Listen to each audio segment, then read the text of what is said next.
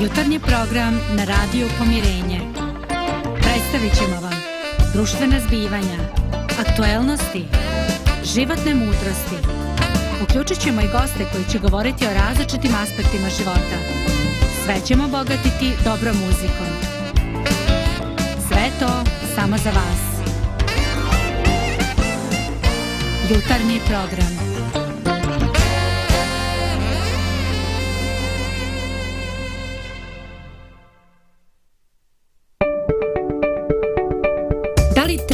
sreću. Pokreni svoj život i sve vrijednosti društva na opačke. I tada ćeš pronaći sreću. Program na opačke. Dobro jutro, dragi gledalci i slušalci našeg radija Pomirenje, radija koji gradi mostove. Danas u našem studiju imamo jedno iznenađenje za vas, jednu dragu gošću sa kojom ćemo provesti ovih sat vremena. To je Sofija Ninković, koja nam dolazi iz Bijeljine. Sofija je jedna jako zanimljiva osoba, ja Sofiju već poznajem dosta godina. A Sofija je znači ovako puna života, elana, energije, to ćete već da vidite. Ali razlog zašto je ona danas sa nama u našem studiju jeste što Sofija vodi dva kluba zdravlja. Pa evo na samom početku zamolit ćemo Sofiju da nam se predstavi i da nam kaže šta su to klubovi zdravlja, šta se tamo radi, kakve aktivnosti se sprovode u klubovima zdravlja. Pozdrav svima, ja sam Sofija, kao što ste čuli, inače vodim dva kluba zdravlja. Jedan je u uh, Brčkom, drugi u Zvorniku. I reći ću vam nešto prvo kao uvod, uh, odakle su u stvari potekli klubovi zdravlja. Klubovi zdravlja potekli su iz e, neprofitne organizacije koja se zove Udruženje građana život i zdravlje i e, ta organizacija ima za cilj edukaciju ljudi po pitanju zdravlja i šire. E, inače, tu organizaciju čine ljudi volonteri, instruktori zdravlja i medicinari i drugi saradnici. To je ono što bih htjela na početku da vam kažem. Isto kao uh, i da su klubovi zdravlja u stvari proistekli kao ogranci iz udruženja uh, život i zdravlje. Mi ovdje u Bosni i Hercegovini imamo oko 10 klubova zdravlja i možda evo da kažem na početku uh, u kojim sve gradovima imamo i šta je u pripremi. Znači pomenula sam imamo u Brčkom, u Zvorniku, u Banja Luci, u Sarajevu, Mostaru, Zenici, Trebinju, a, uh, uskoro u aprilu a, otvara se klub zdravlja u Bihaću i u Derventi. Mislim da je da postoji i u Prijedoru, a isto i u Gradišci klub zdravlja. Tuzla također. Tuzla, isto Tuzla, da. Tuzla, tačno. Pa o, dobro, znači zanima nas malo šta su to klubovi zdravlja, kako si ti uopšte došao na ideju da ti vodiš dva kluba zdravlja? Znam da ti već, da ti već dugo godina imaš dosta veze sa zdravljem, ti vodiš jednu stranicu također koja se zove Veđi kuhinja, ali tako nešto? Da, Veđi kuhinja. Uh, Pa šta znam, nekako možda od malena ta neka ljubav prema zdravom načinu života, e, možda eto iz detinjstva, moj tata je vodio računa šta jedemo, e, vodio računa o tome šta se nalazi na našem stolu, e, terao nas je da se bavimo nekim sportom i to je sve urodilo plodom da mi dan danas ono imamo želju da da živimo tako i da ljudima oko sebe da jednostavno edukujemo i ljude oko sebe. Tako smo sestra moja i ja otvorila jednu stranicu koja se zove VG Kuhinja na Facebooku i tu postavljamo recepte i mi i oni koji su na toj stranici zdrave recepte koji mogu da pomognu ljudima da malo zdravije žive, da imaju neku, da uživaju dok jedu i da to ima i neki efekat na njihovo telo, da ne bude samo nešto onako kao radi zadovoljstva, nego da bude i zdravo. Ja ću se samo kratko uključiti, ovaj, Božo. Znači, e, ja isto pratim vašu stranicu i stvarno, evo, hoću da, da ovaj, kažem i gledalcima i slušalcima, e, vrlo su praktični e, recepti. Nisu sad ja, gde to da kupim, gde to da nabavim, nego su tako praktični nekako vi onako što imate u kući, što inače jedete, što inače ovaj, koristite svakodnevno onako i, i delite sa ljudima takve recepte. Tako da je stvarno baš onako odlična ta stranica, to od srca preporučujem stvarno svima vama koji želite eto da, da probate da se zdravo hranite, pa iskoristite neki od tih stvarno vrlo praktičnih i, i lakih recepta, recepata za pripremu. Da, da ja isto dodam da na toj stranici ima skoro 5000 pratilaca yes. koji prate Sofine recepte. I moje sestre. I tvoje sestre, jeste. Ja sam prošli, prošli vikend sam bio baš na jednom uh, radionici kluba zdravlja u Brčkom. Evo, mogu da ispišem samo kratko svoje iskustvo. Uh, Ovaj, mi smo tako došli na veče, u Brčkom nije bilo struje, kiša je pljuštala, svijeće su bile postavljene u hodniku te, te zgrade, u stvari usmjeravale ljude prema toj prostori gdje se održavao klub zdravlja. Ja se baš pitao ko će da dođe po ovoj kiši i, po, po, i, i nema struje. Međutim, tako ljudi su dolazili, na kraju se ta sala napunila i nije bilo dovoljno mjesta za sve ljude da sjednu. Da. Znači, bilo je baš fantastično. A Sofija je govorila o svojim receptima i dala nam je da degustiramo neke torte, kolače, puno toga je bilo. Ali eto, možda u zadnjem segmentu će nam ona malo više govoriti o tome i dati možda i svim našim slušalcima neki dobar recept. Ali evo, možemo da napravimo jednu malu muzičku pauzu pa ćemo nastaviti na naš razgovor.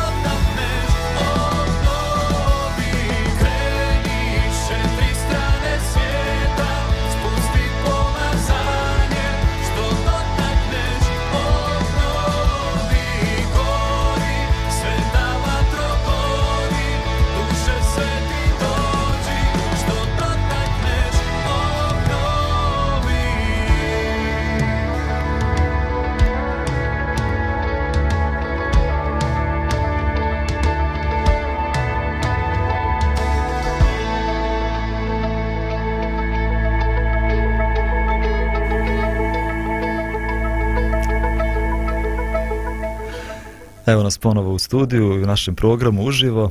Još jednom, za one koji ste se možda kasnije uključili, danas imamo posebnu gošću, to je Sofija Ninković, instruktor kluba zdravlja, u stvari instruktor dva kluba zdravlja u Brčkom i u Zvorniku, koja je danas sa nama ovdje u Banja Luci. Sofija, jel možda nam kažeš koji je cilj kluba zdravlja? Šta klub zdravlja promoviše konkretno? Može, naravno. Uh, postoji jedan program koji se zove New Start, u stvari novi početak. I na osnovu uh, prvih slova uh, napravljeno je u stvari uh, da bi bolji ljudi mogli da uh, shvate tih osam koraka, u stvari to je ono čime se mi bavimo. I to vrti se sve oko toga. To je neki kao, kako bi rekli, postulat klubova mhm. zdravlja. Mm -hmm. Znači, prvo je uh, ishrana, onda vežbanje, onda voda, sunce, umerenost, odmor, a, vazduh i na kraju a, jedan veoma isto tako bitan aspekt, a to je duhovnost. Znači, osam koraka postoje da bismo mi bili zdravi. Pa ne znam tu su nas nama u studiju Lidija Dragana, od ovih osam koraka koje je Sofija spomenula, koliko sprovodite vi u vašem životu? Evo, toga sam se pitanja bojala. onda krenem od ovog zadnjeg, da, to sprovodim što još. Kad ima sunca, onda i sunce koristim, vodu, um, ponekad u godin dana i vježbe. Dobro, kad kažemo vodu, koliko treba da se pije vode dnevno? Pa ovako, e, trebalo bi faktički da pijemo vodu u odnosu na našu telesnu masu i na naše aktivnosti. Ali nešto opcionalno trebalo bi oko 2 litre vode dnevno, znači 8 čaša vode dnevno. S tim, što je najbitnije ujutru popiti vodu kad se ustane da se popije dve čaše vode, mlake vode, to je idealno za početak dana i to svima preporučujem. To jednostavno razbudi, pročisti organizam, tako da preporučujem da uh, ubacite ako niste do sad dve čaše vode dnevno ili jednu veću onu kriglu. Dve litre, dve litre. Dve, uh, dve čaše vode ujutru. Ujutru, ujutru. ujutru dve Aha, čaše okay. vode i da tako krenete i onda polako u toku dana da ubacujete. I ono što bih ta, sad tela da naglasim, nemojte piti vodu u toku jela, nego nekih 15-20 minuta ili pola sata pre jela i sat do dva posle jela sad da ne bi širili priču zbog ti procesa koji se odvijaju dok se hrana vari u našem organizmu, nije dobro da to razbijamo unoseći stalnu vodu dok jedemo. Mogu ti reći ovo sa vodom, kako sam počela ove čaše ujutru, znači više nego mlaka voda, više Aha. Mhm. onako vrućkasta, da kažem, puno se bolje osjećam. Puno mi drugačiji Aha. organizam. A Safija, mogu ja da ti postavim isto jedno pitanje? Mi smo ovdje razgovarali više puta na, na temu stresa. Uh, Kako se sa tim boriti? Evo, možda ti sa svoje strane, onako, kako ti to vidiš? ovaj, to je isto jedan aspekt bitan. Da, i te kako bitan. Pa nekako uh, svi, sve, svi ovi koraci u stvari su uh, u prilog borbi protiv stresa. Neverovatno, ali istinito. Bitno je šta jedemo, bitno je da li se krećemo, bitno je koliko spavamo, bitno je uh, koliko vodimo računa o svom tom nekom duhovnom aspektu e, bitno je koliko se izlažemo suncu da li se odmaramo da li smo umereni u načinu na koji vodimo život znači jednostavno ovih osam koraka su u stvari e, pravi način da se izborimo protiv stresa super super znači ako hoćete da se riješite stresa a svi smo pod stresom da sprovodimo osam koraka o kojima, o kojima nam Sofija govori. Pa evo ja da te pitam malo o vježbanju. Ja sam počeo od zadnjih jedno tri mjeseca koliko to treba vježbanja. Ne znam, ja kad ustanem ujutro, više vježbam što me sve nekako boli i jedva se... O, pa sam počeo malo da se razgibavam. Kakve to vrste vježbi treba da se rade? Pa faktički bi trebali svakoga dana da vježbamo. Znači trebao bi čovjek najmanje 15 minuta da odvoji svakoga dana bar za neko razgibavanje ako nema vremena već za neko vežbanje.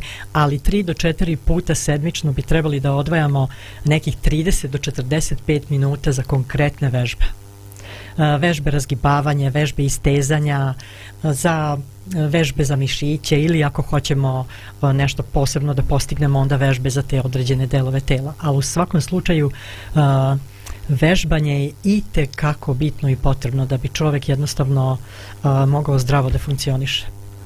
Jel može futbol umjesto vježbanja? Ako ga igraš svaki drugi dan, može. dobro je, dobro je, dobro je baviti se tim aktivnostima. Jedino što u futbalu nije dobro je taj aspekt uh, da pobede.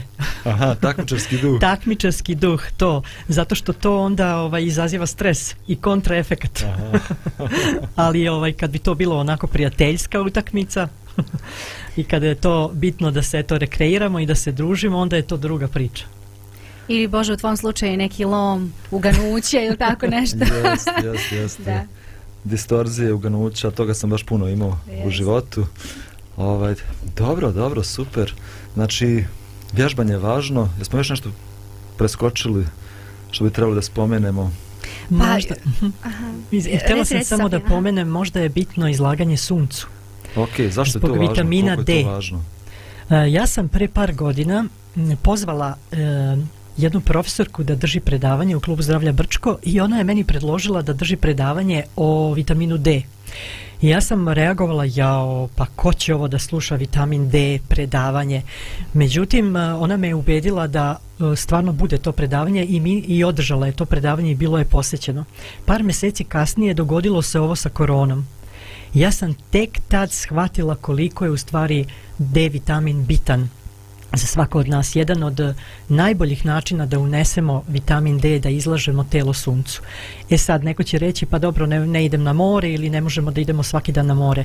Znači dovoljno je da lice izložite zimi i ruke bar pola sata da primite određenu količinu vitamina D koja vam je potrebno za taj dan zato što se vitamin D ne skladišti u organizmu nego moramo da ga primamo svakodnevno.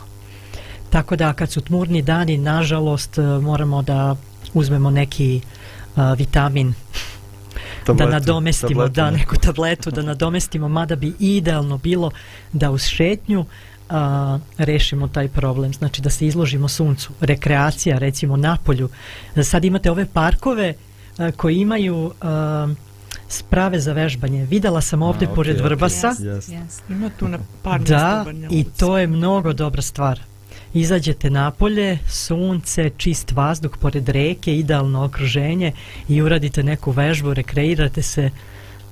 Tako da toplo preporučujem to. Dobro, znači, dragi gledalci, ne morate više da kupujete apotekama tolike silne tablete D vitamina. Dovoljno je da se družite suncu. Pa svi na more, ako već nema mora, onda u nekom dvorištu gdje vas niko ne vidi kupaći i barem sat vremena dnevno sunčanja. Dobro. Ja sam htjela isto da spomenem jedan aspekt bitan, pa možda Sofija, eto još malo da nas, da nas onako ohrabriš, možda u mom slučaju to baš značajno, a to je dovoljno sna. Znači ja ne sve nekako, evo trudim se u posljednje vreme onako da ispoštujem i sve kao eto nekako to ide, ali san nikako, znači uvek imam nedovoljno ovaj, sna u toku noći, sve nekako kasno legnem, na, ujutru moram ustati. Tako da, ovaj, kako, eto, kako da to nekako uspostavimo? Moram da vam kažem da je to problem kod većine ljudi, ali je san, kad bi ljudi znali koliko je san potreban čoveku, mislim da bi više počeli da vode računa o tome i mislim da bi uložili trud da, da im san bude bolji.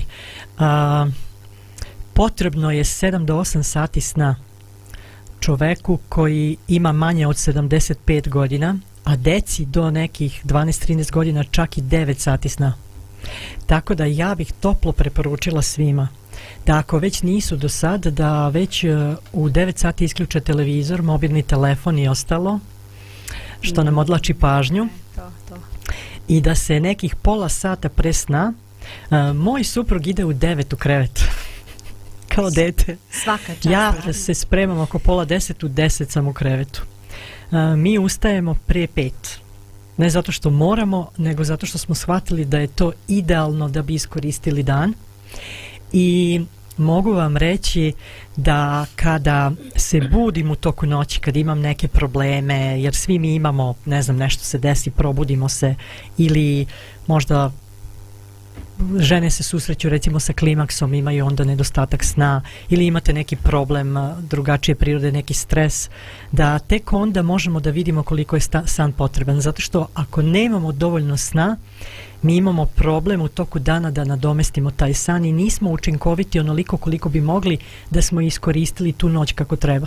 Danas mladi ležu 1, 2, 3 ujutru, uh, dopisuju se preko telefona i tako dalje, to bi mogli da rade preko dana i da imaju bolje druženje. Isto tako to rade i starije generacije, nisu mladi ovaj mm. nisu mladi nešto sad to rade, to je danas e, toliko, ta tehnika je toliko danas uznapredovala, a pogrešno je koristimo nažalost i uskraćujemo sebi neke benefite koje ne bi trebali da uskraćujemo tako da ja jednostavno preporučujem svima da isključe svetlo da pripreme svoju porodicu da krenu krenite vi pa će neko u porodici za vama i već ćete videti u 10 sati ono nema neće vas više niko zvati ili se nećete odazivati na telefon i jednostavno uh, lepše ćete se osjećati jutra će vam biti ispunjenija ustanete ujutru čili u 5 ujutru ja sad razmišljam o nekim vremenima ranije, kad nije bilo struje, pa ljudi su mhm. išli na spavanje, čim padne mrak, imaš neku svijeću, lampu, neku urnu i na spavanje u 9 sati, u 8 sati na spavanje, ustojanje sa zorom, znači čim naspavaš se dovoljno da možda ustaneš u 4 ujutro ili 5 ujutro. Pa dobro, super, ekstra. Ja, evo, ja baš volim to kad imam, kad sam kući, kad nisam redio na putu, u 9 sati uzem neku knjigu, mm -hmm. imam neku lampu svoju pored kreveta i tako mene to fino i uspava, ja sam do 10 sati već, već u snu. Dobro, hvala ti. Ajde, napravit još jednu malu pauzu, pa onda nastavljamo ovaj naš razgovor.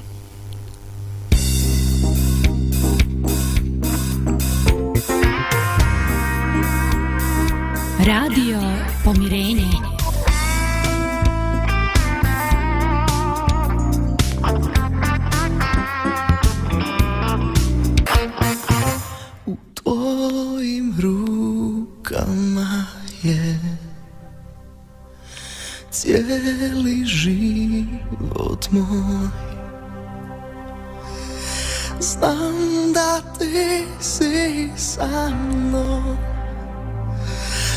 Bez bolka prohlásit.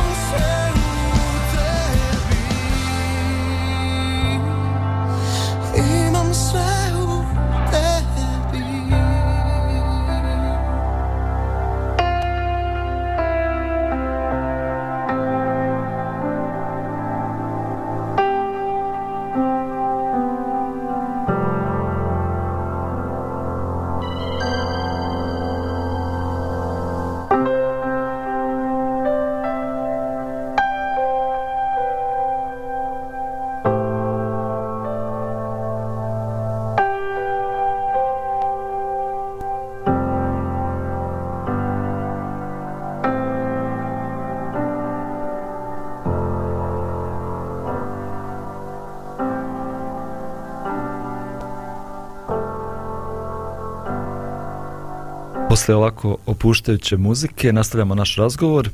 Usput baš sam ja jutro si čitao o tome u knjizi koja se bavi uh, depresijom, kako je muzika isto bitna za ali dobra muzika, klasična muzika za rješavanje, za smirenje i za rješavanje tog problema sa, sa depresijom. Ali evo, ponovo, nas, ponovo smo tu sa Sofijom. Uh, Sofija, kad sam bio zadnji put u Brčkom, tamo sam vidio i upoznao Amiru, upoznao sam Milicu, pa baš je to zanimljivo, da znači različiti ljudi, različitih nacija dolaze na tvoje radionice, predavanja, možeš malo da nam kažeš nešto o tome? Jeste, to je lepota uh, klubova zdravlja. Taj socijalni aspekt je veoma razvijen i ne samo da ljudi dolaze na predavanja, na radionice, već se mi međusobno upoznajemo i postajemo prijatelji, družimo se. I ono što mene oduševilo kad sam ušla u vaš studio je ovo što sam videla da piše da je radio pomirenje, radio koji gradi mostove. I klubovi zdravlja mogu da vam se pridruže zato što su i klubovi zdravlja klubovi koji grade mostove. Znači mi u okviru našeg e, kluba zdravlja, odnosno u okviru svih klubova zdravlja, ne gledamo na naciju, na versku pripadnost, ne gledamo na uh, uzrast, ne gledamo na socijalni status, na materijalnu status, na bilo kakav status. Nama su bitni ljudi kao ljudi i želimo da se uh, bavimo ljudima i da pomognemo ljudima i mi međusobno jedni drugima pomažemo. Uh, ja neću da kažem da u Bosni i Hercegovini žive samo tri nacije, zato što ja sam upoznala i Rusine u Bosni i Hercegovini, ima ih baš tu blizu uh, Kozare, ali ovaj zaista ima puno različitih ljudi i mi jedni na druge gledamo kao na ljude.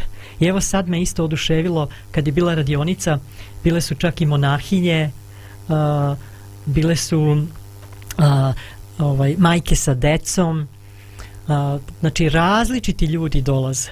Bili su i neki novinari, uh, dolaze mi i žene koje su inspektorke, isto tako dolaze domaćice, uh, dolaze ljudi koji se bave nekim zanatima, znači nemamo uopšte problema sa druženjem, uopšte niko ne gleda na to, jednostavno baš jedna lepa sredina i to je jedan plus kod klubova zdravlja.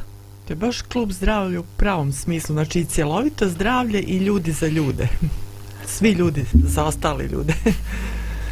da, da, mi smo, mi smo na ovoj emisiji pričali koliko je zajedništvo važno za zdravlje, pa smo spomenuli bolje jesti čips, sa prijateljima nego brokoli sam. Ali Tako to vi, znači, osim, osim brokolija ovaj, i zdravih torti i kolača imate i zajedništvo. Jel se družite izvan tih vaših sastanaka i radionica? Da, kako da ne, evo, pomenuo si Amiru i Milicu, to su moje drage prijateljice. Mi smo se nekako spojile i ja vrlo često kažem, mi smo Jugoslavije u malom. jedna bošnjakinja, jedna hrvatica, jedna srpkinja imaju jedno tako zajedništvo i razumevanje. Mi smo se toliko zbližile uh, i čujemo se, imamo čak i našu Viber grupu gde šaljemo jedna drugoj uh, i šaljive i ovako neke zdravstvene i razne druge uh, emisije gde možemo da se međusobno hrabrimo, pričamo, otvorene smo jedna prema drugoj, tako da imam još uh, isto dosta tu prijateljica koje sam upoznala i sa kojima se i ovako mimo kluba zdravlja viđam i I to je baš nešto i uh, znate šta je još zanimljivo? Što su se neki tu na klubu zdravlja spojili i druže se međusobno i van klubova zdravlja. Mm, znači sreli su se ljudi i uh, zdravlje stvarno okuplja ljude to je e, toliko bitna stvar i ljudima je bitno da budu zdravi, dolaze na predavanje, upoznaju ljude, imaju isto interesovanje. Jako je bitno da imamo ista interes. Kad imamo ista interesovanja, onda nam stvarno nije ni bitno ko je odakle, šta je po profesiji, koliko godina ima. Okupljamo se oko istog interesovanja i želimo da napredujemo. ekstra, ekstra. Ja se sjećam, uh, dok sam bio u Sarajevu, tamo sam dolazio isto na jedan klub zdravlja, uh, koji vodi tvoja koleginica Željana, hmm? Željana Kunoš. I tamo u tom klubu zdravlja su dolazili baš različiti ljudi. E, čak je došao jednom jedan čovjek koji se zove Bajazit Pačariz. U, čovjek u penziji, on mi priča da je bio zamjenik ministra poljoprivrede u Beogradu, u bivšoj Jugoslaviji. I onda se on uključio i on je nama pokazivao neke njegove de, E, radionice doručka, sjećam se da on to govori. Onda nam je došao jedan komšija, zvone, isto stariji čovjek koji se oduševio klubom zdravlja i on je organizovao sve moguće izlete za klub zdravlja. On nas je vodio i u Vareš i u neka sela tamo gdje smo kupovali zdravu hranu. Vodio nas je u Mostar. Tako da je bilo, bilo baš ekstra to o čemu ti govoriš. Baš ljudi različitih pozadina, različitih nacija uh, su se u klubu zdravlja sjedinili, udružili, radili zajedno. To je baš jedna jedna pozitivna stvar u vezi klubova zdravlja. Uh, Možda evo ja jednu rečenicu da dodam na tu temu. Mi smo isto ovaj u različitim gradovima uh, radili i živjeli, ali sad, sad sam se setila u trenutku Tuzle kad smo bili tamo i onda smo imali uh, u okviru klubova zdravlja različite radionice i predavanja i sećam se da su žene govorile, znači žene dođu s posla i one kažu mi, ja kažem, to, to je jedna grupica bila njih, osim drugih koji su dolazili, ali ta jedna manja grupica i one kažu mi, kaže, znamo, kaže, mi našim gostima kažemo, kaže, nama je ponedeljak određen za ovo, znači vi došli došli, ne došli, nama je sve jedno da znate da mi nismo kući. znači, to je naše vreme i sećam se da sam ovaj, baš u tom periodu bila i trudna sa Filipom, Pa onda posle ovaj, kad je porođaj, znači sve te žene su došle, uh, družile se s nama, pomagale, nudile pomoć. Znači to je stvarno jedno baš onako uzajemno bilo ovaj, prijateljstvo i druženje. Baš smo onako imali jako, jako lepo vreme tamo. Tako da klubovi zdravlja definitivno stvaraju jednu pozitivnu i dobru atmosferu. Mogu samo da dodam da nadovezala bih se na, na vas uh, oboje. Uh, koliko je bitno oko čega se ljudi okupljaju. Kad se ljudi okupljaju oko dobrih stvari, onda to stvarno širi se dobar efekat i dobar uticaj. I zato je potrebno da se okupljamo oko dobrih stvari, stvari koje mogu da nas ujedinjuju. A šta može uh, zdravlje da, da napravi haos? Znači zdravlje samo može da priča o zdravlju i, i rad na našem ličnom zdravlju može samo da ujedini sve nas stvara se jedna domaća atmosfera u pitanju je znači kao kad dođeš kod nekoga u kuću znači hrana e, druženje e, e, smanjivanje stresa uh mhm. -huh. radost tako neke pozitivne idete ka, ka tim pozitivnim stvarima znači i psihičko zdravlje i tjelesno i sve znači bukvalno kao kad kad dođeš nekome u kuću znači fenomenalno baš tako, baš tako. Ajde iskoristimo sad ovu priliku i da, da najavimo u Banja Luci je klub zdravlja u začetku, tako da kažem. Lidija, možda nam kažeš, mislim da sad, sljedeće sedmice će biti isto tako jedno predavanje radionica. Tako je, tako je. Narednog četvrtka, znači ne sad ovog prvog, ja sad nemam datume u rukama, ali to je onaj tamo drugi četvrtak. Uh, Biće predavanje doktora Srđana Žugića, uh, Um, dakle, 9. marta. Eto, da, znači 9. mart. Um, Tako da svi, eto, koji ste zainteresovani, mi ćemo svakako još reklamirati taj datum i, i mesto i vreme i tačnu temu, ali već znamo datum, to je sigurno i znamo govornika, uh, tako da svi vi koji ste zainteresovani za zdravlje, volite zdravstvene teme, uh, dođite, tako da, eto, svakako ćemo još najaviti taj događaj um, i kasnije. Mesto znamo, znači, uh, nije problem, to je uh, hotel Talija, znači, u Banja Luci, ali i vreme, znači, vreme isto nije upisno, bitno, ovaj uvek bude znači u 18 časova. Tako da eto da znate, ali eto osta, ostale informacije možemo i kasnije. Važi, hvala ti Lidija. Dobro, evo idemo na još jednu muzičku pauzu, pa ćemo onda da završimo naš razgovor sa Sofijom Ninković. Ninković.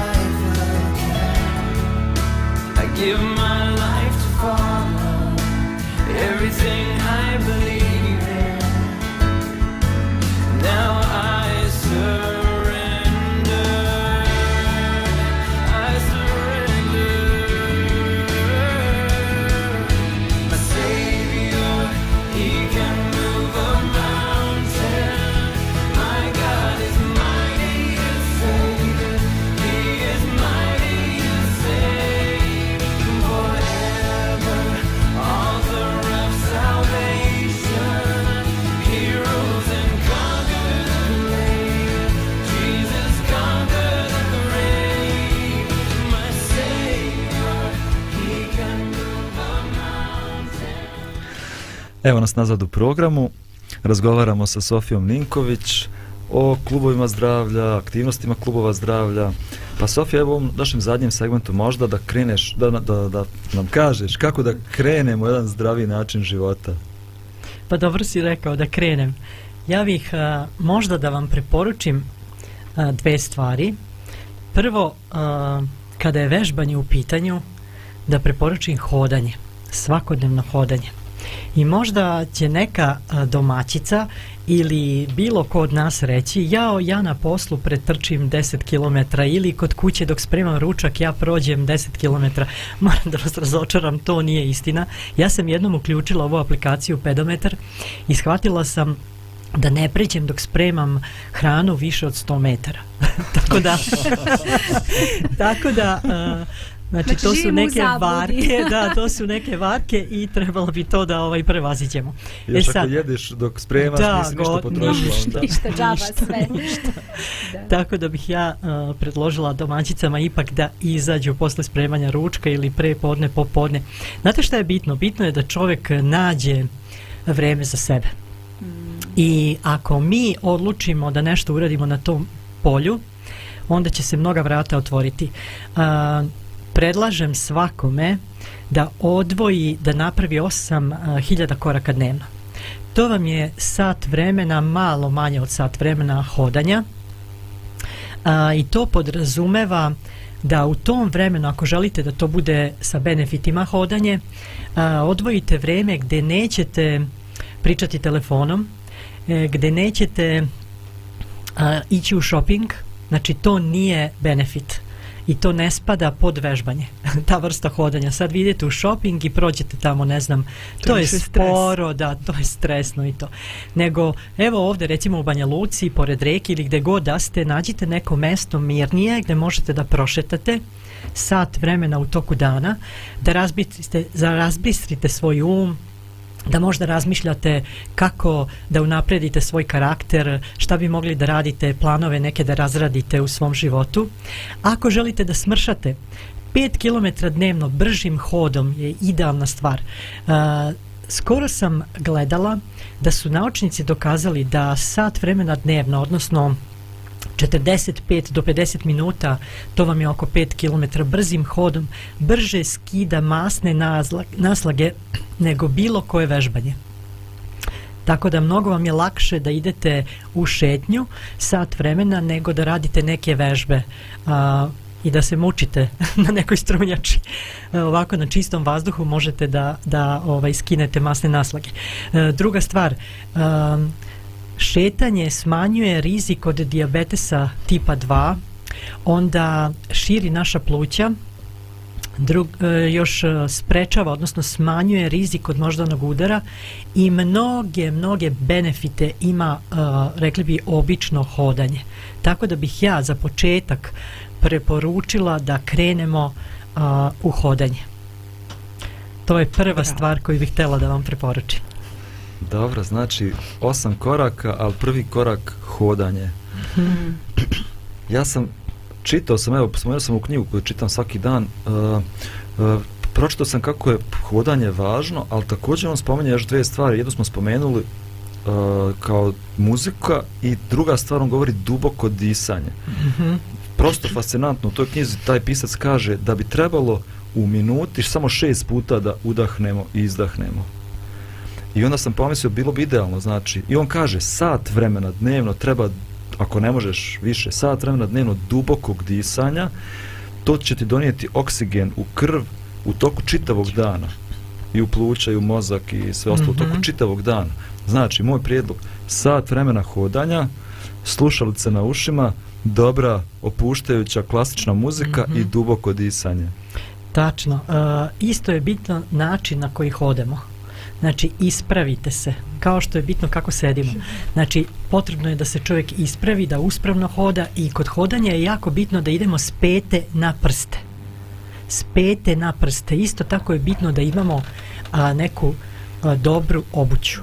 E sad, a, ne mora to da bude ništa skupo, niti ekstra kvalitetno, ali neka bude za vaš gaz dobro. Znači, kada kupujete bilo kakve patike ili bilo kakvu obuću, gledajte da se udobno osjećate u tome. Nemojte kupovati zato što je to moderno ili ne znam zato što to ima neki tamo peramika laza, nego zato što se vi u tome udobno osjećate i zato je dobro kada e, probate obuću da napravite nekih 10-15 koraka. Znate, ovi, e, da se sad nasmemo malo, ovi youtuberi imaju uh, uh, obuju neku obuću i onda zatrče se da izađu kao i onda krenu ovi za njima e tako a oni kao ono kao neki prank tako da možda i mi to da uradimo ne moramo ka izlazu ali da napravimo par koraka i da vidimo kakav nam je gaz čak i postoji ali dobro to sad to je duga priča postoji obuća za vaš ja imam patike za trčanje koji su ba, koje su baš za moj gaz i to je, i to je bitno da da imamo za one koji se često bave time. Ali za jednu normalnu šetnju znači mogu da se nađu izuzetno, izuzetno povoljna obuća i da se u krajnjem slučaju stavi neki uložak da bi to bilo udobno. S druge strane, ovo disanje je jako bitno. Znači, kada dišemo, možda čak i da izbrojimo do 20 kada udahnemo, pa preno što izdahnemo da bi izbacili, to je to što ti kažeš šest puta u toku minuta. Ovaj, to su neke onako, sad bi mogli o hodanju bukvalno emisiju da imamo koliko je to dobra stvar i bitna. Možda ćemo imati. Da, evo da. vam ideja da razradite ovih osam koraka. Da, da, možda spomenemo i neku aplikaciju za, za hodanje. Ja koristim moj Huawei telefon, ima baš Huawei, mm. kako mi se zove, Heart, Health, nešto to. Huawei A, Health, Health. Heart, da, da, da. I bukvalno mi pratim i sve korake u toku dana i mjerim i sve korake. Ti spomenula pedometar. Ja imam pedometar, to vam je najosnovnija aplikacija, ne košta ništa i ne morate da imate internet ona će vam biti uključena i jako je dobra zato što ne samo što vam pokaže broj koraka, nego vi možete da podesite u odnosu na korak koliki je vaš korak. Recimo, nije isti moj korak i nije isti tvoj korak. Moj korak je 80 cm, nekome je 50 i onda vi podesite da ne bi varali sebe. Znate, kao ja hodam toliko, to uopšte nisi toliko hodao. Uh, jer vi hodate zbog sebe, a ne da fascinirate ljude oko sebe. I druga stvar, uh, vidite koliko trošite kalorija i vidite koliko ste pro, e, potrošili vremena i onda e, počnete sami sa sobom da se takmičite znate kažete u čoveče pa mogu bi ja malo brže ne moram vidite koliko možete za sat vremena da prođete tako da ja sam došla do 7 km Ovaj, tako da baš sam onako se oduševila kao možeš ti to i osam. Vidimo šta imamo, a i šta nemamo. Da, šta da, da, da. Evo ja imam na svojoj aplikaciji, evo gledam ona mi kaže, jedan dan sam hodao 8553 koraka, ti si rekla 8000, mm -hmm. tako mhm. trebamo. Piše meni ovdje da sam tog dana potrošio 16 jaja. pa jeste, jeste. Da, znači da si pojao 16 kaja taj dan. Eto, to je kroz tih, tu, tu moju šetnju od 8000 koraka pojao sam, potrošio sam svojih 16 jaja. Da. Nemoj, molim te da uneseš 16 jaja.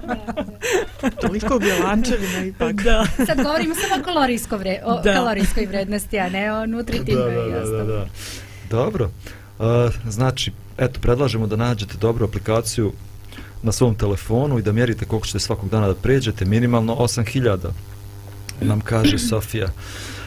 Dobro, ajde da napravimo još jednu malu muzičku pauzu, a onda ćemo u zadnjem segmentu da govorimo nešto, da nam ti podijeliš neki recept hoću, sa nama. Ja sam hoću. probao one tvoje zdrave torte, ekstra su, baš su mm. ekstra. Mm.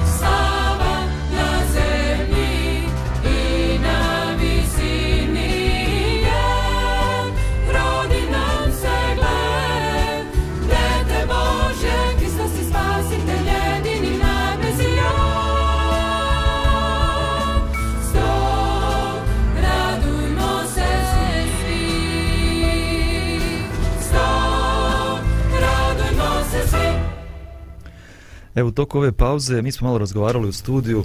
Zanimljivo je da ovih 8000 koraka možete da prijeđete, barem ih ja prijeđem, tako što ne vozim auto. Ma sve one stvari koje sam ranije radio autom, išao kod moje tetke, mame, sad idem pješke i pređem 8000 koraka bez šetnje. Znači ne idemo neku posebnu šetnju, ali pređem 8000 koraka. Dobro, Sofija, evo na kraju s nestrpljenjem očekujemo tvoje recepte, kaže nam uh, kako da spremamo zdrave kolače, zdrave torte, bez šećera. da, morat ću prvo da vas razočaram. Ako želite nešto zdravo da uradite za sebe, pod broj 1 izbacite šećer iz upotrebe. Zato što šećer stvara zavisnost. Šećer toliko šteti našem organizmu da je to neverovatno. E, možda će neko reći ja ne koristim šećer. Ne stavljaš ga možda u kafu, ne stavljaš ga ne znam u čaj, ali ako popiješ... E, jedan sok iz prodavnice ili u bilo kom kafiću ako nije ceđen, ti si automatski uneo 7 do 15 kockica šećera.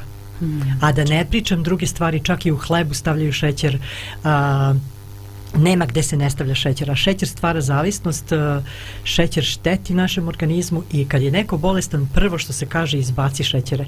Nemoj da ideš slatko kad si prehlađen i tako dalje. Pa zašto sebe da dovodim u situaciju kad postoje stvari koje nisu zamena za šećer, ne koje su bolje od šećera, koje možemo da konzumiramo. I ja hoću sada da vam dam uh, dva recepta. Ja nisam ljubitelj uh, dugog uh, zadržavanja u kuhinji, i moji recepti su svi onako brzi ja ne volim da uh, provedem i meni su žene koje su 5 sati u kuhinji enigma i svaka im čast, ja to ne bi mogla. Uh, ja na drugi način volim da trošim vreme, ali recimo, evo jedan brzi recept koji uh, ja ne znam, nisam srela osobu koja to uh, ne voli, možda ako ste alergični ili ako baš ste ne, onako ne volite nešto od toga, ali možda nađete nešto drugo da ubacite. Recimo, evo sad smo pravili ove kuglice, Božo probao si ti. Ja sam, ja sam. Od tri sastojka i prave se ukupno par minuta, a u ovoj količini možete male, kad kažem kuglice, to su baš kuglice, a, znači 100 grama groždica, 100 grama kokosovog brašna i 100 grama kikiriki putera. Nemojte uzimati kikiriki puter koji u sebi ima a, šećer ili so, nego samo čist kikiriki. To sve prvo potopite a, ove groždice, lepo ovaj, ih dobro ocjedite i napravite lepo, možete u blenderu, ako nemate blender, možete i ručno napravite, oblikujete male kuglice i uživate u a, lepom zalogaju koji nema ni trunku šećera. A, drugi recept je isto tako a, Možete da uzmete suvu šljivu, da ih operete, obavezno osušite, unutra stavite krem, krem je od 12 eh, eh, urmi, dve kašike kaka ili rogača i malo vode. Ubacite u blender, dobit ćete krem bolji i zdraviji od nutele, stavite to u tu eh, suvu šljivu, od zgore dekorišete s jednim lešnikom ili bademom i ništa lepše i ukusnije ne možete da dobite. Wow, fantastično. Domaćice, čuli ste. Uh, Sofija, imamo još toliko vremena da nam kaže šta to piše na tvojoj majici. Aha. E, na mojoj majici piše You will bloom if you take the time to water yourself. I to je jedna izuzetna poruka. Cvetaćeš onda ako odvojiš vreme da sebe zalivaš. Šta to znači u prenosnom smislu? A, e, to obuhvata sve ovo što smo danas pričali. Znači, ako ti danas ne odvojiš vreme za sebe, niko drugi neće. Mi vrlo često se izgovaramo, jao pa ja ne mogu, idem kod ovog, radim ovo, e, brinem se o drugima. Bolje ćeš se brinuti o drugima ako kreneš prvo da se brineš o sebi. Ja želim da vas oduševim, da krenete svakog jutra uh, da se prvo brinete o sebi.